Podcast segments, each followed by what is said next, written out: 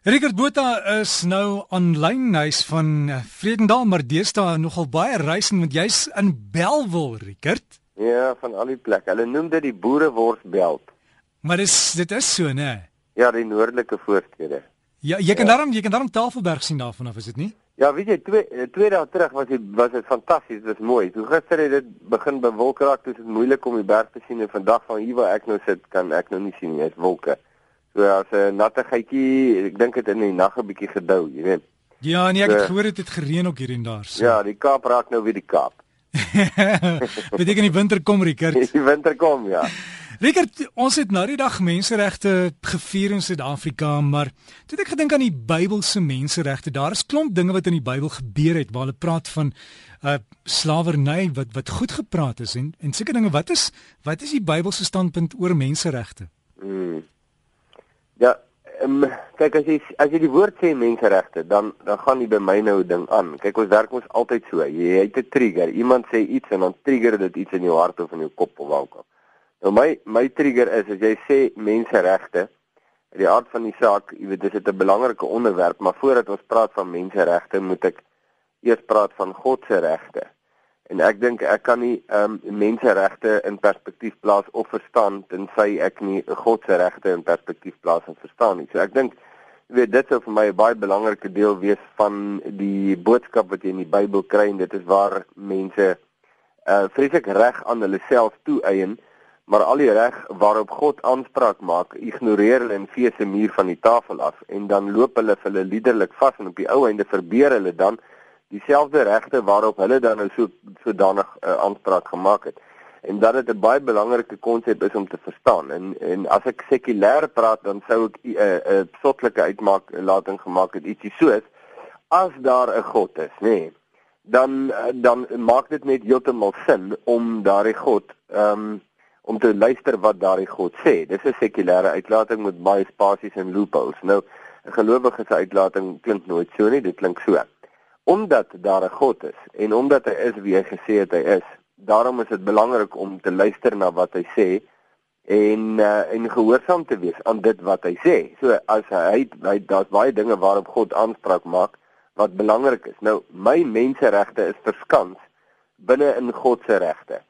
Maar sodra ek uh, jy weet uh, afstand doen van God se aansprake en sy regte en die feit dat hy God is en ek stel myself as God aan, en ek maak nou baie jy weet danig aanspraak om jy weet in staat op my regte dan gaan erns gaan hierdie hele storie in mekaar val die kaarthuis gaan in mekaar tuimel en die laaste ou wat regte gaan hê op die ou einde gaan wees ek want ek gaan lei in elke liewe front.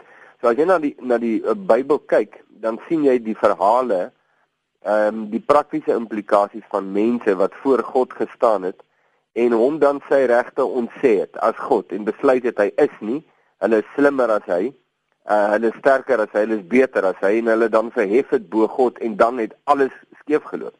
So ek dink jy weet dit kry jy baie. Ekskuus nou lank verduidelik net om te sê as jy sê menseregte is dit die trigger wat by my aangaan. So jy weet dis vir my die beginplek uh om oor hierdie onderwerp te gesels. Weet maar iemand het ook net ge-SMS om te sê ek stem saam daarmee die Bybel sê skelms moordenaars het geen mensereg nie en hulle skryf hier selfs rebelse kinders was met die dood gestraf. Ja, kyk, om te sê dat geen menseregte nie is is 'n uh, hiperbool, nee, dis nie waar nie. Jy weet, dit is nou is nou om iets te sê wat nou nie regtig is nie. Wat wat, wat beteken ek dink om uh, dat is dit anders te sê om te sê dat mense wat teen God gaan, sal voor God verantwoording doen. Jy weet, so, dit is nie dat mense nie waardig is of nie meer waarde het as hulle doen wat nie reg is nie, want dis ook nie waar nie, want Ek sê byvoorbeeld kyk aan een van die sleutelverse in die, in die Nuwe Testament of nie, belangrike vers wat sê terwyl ons nog sondaars was, het Jesus vir ons gesterwe. Wat beteken jy weet ons het God heeltemal teëgegaan terwyl ons rebelle was en uh, wel die, die ander benaming daarvoor is kinders van die toren, is die ou Afrikaanse woord. Dis kinders van wraak. So terwyl ons kinders van God se wraak was, het God sy seun vir ons gegee. So as jy dit ons nie waarde het omdat ons sleg is of omdat ons doen wat verkeerd is nie. Dis nie die punt nie. Ons het ons waarde bly onveranderd of ons goed doen of sleg doen maak nie saak nie. Maar die die punt is dat ons sal verantwoording doen vir ons dade, vir ons woorde en vir ons gesindhede en vir ons leefwyse. en dat ons nie op regte kan aanspraak maak om ons verantwoordelikhede te jy weet te sy stap nie. Nie voor God nie, miskien voor mense. Jy weet daar's baie mense is dwars in die krop gesteek. Jy weet mense doen wat hulle wil nou hier tussen ons en dan oomblik as jy reg hulle aanspreek, dan maak hulle aanspraak op hulle menseregte en sê nee maar jy kan nie hulle vat nie want hulle het hulle regte. Nou almal van ons weet dit is totaal verdraai, maar ons doen dit met God ook. So dis net 'n belangrike punt om te verstaan, jy weet die onderskeid daar. Ek het also 'n sekere kerkgroepe is daar hierdie hele ding van wat die dominee of die leraar sê is absolute wet. En baie keer gaan dit teen jou persoonlike menseregte om te luister na wat hy sê en te doen ja. wat hulle sê. Hoe, hoe hanteer mens dit, Rickert? Ja, want Derek, ja, weet jy, ek was nou ek was nou daar by julle Polokwane en Gauteng nou omgewing. Om besef ek maar een ek is baie beskermd wat hierdie goed betref hier teen die Weskus, jy weet. Nou hoor ek die stories en dan dink ek ja, maar Derek vra my altyd hierdie goed op op pleister vir die Philippi radio. En dan nou hoor ek dit uit 100 ander oorde. Dan besef ek maar daar's ongelooflike gruwelgoeders wat aangaan. En ek ek dink baie keer die kerk is die grootste broeikas vir ateëste. Uh omdat hierdie tol in sy geleedere aangaan. Jy weet, so nee man, Derek, daai is bloot in ons. Daar's daar's predikante of pastore of voorgangers, noem hulle nou maar wat jy wil, jy weet, wat absoluut aanspraak maak op goddelikheid. Nou nie in sulke woorde nie, maar as jy nou sien hoe niemand mag hulle aanspreek nie, hulle is vir niemand verantwoordbaar nie. Hulle kan doen wat hulle wil. Jy moet alles doen wat hulle sê. Al jou geld moet soontoe gaan dit is niks met God te doen nie. Dit is nie sy gees nie, dit is nie sy karakter nie.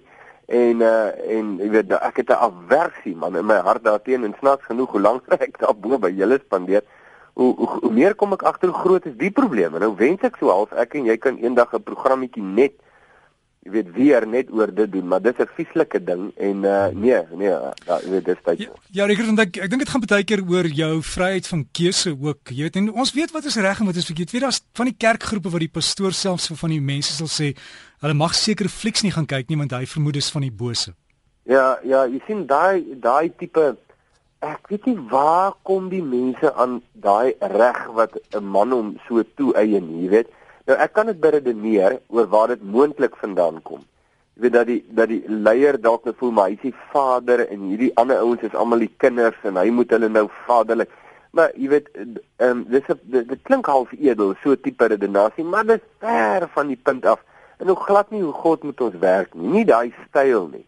Jy weet om om vir as daar skadelike goed is om mense te waarsku oor skadelike goed en so aan, jy weet. Dit is mos liefdevol. Ek bedoel ons doen dit met ons kinders. Jy moet nou nie jou kind moet aan skadelike goed blootgestel word nie.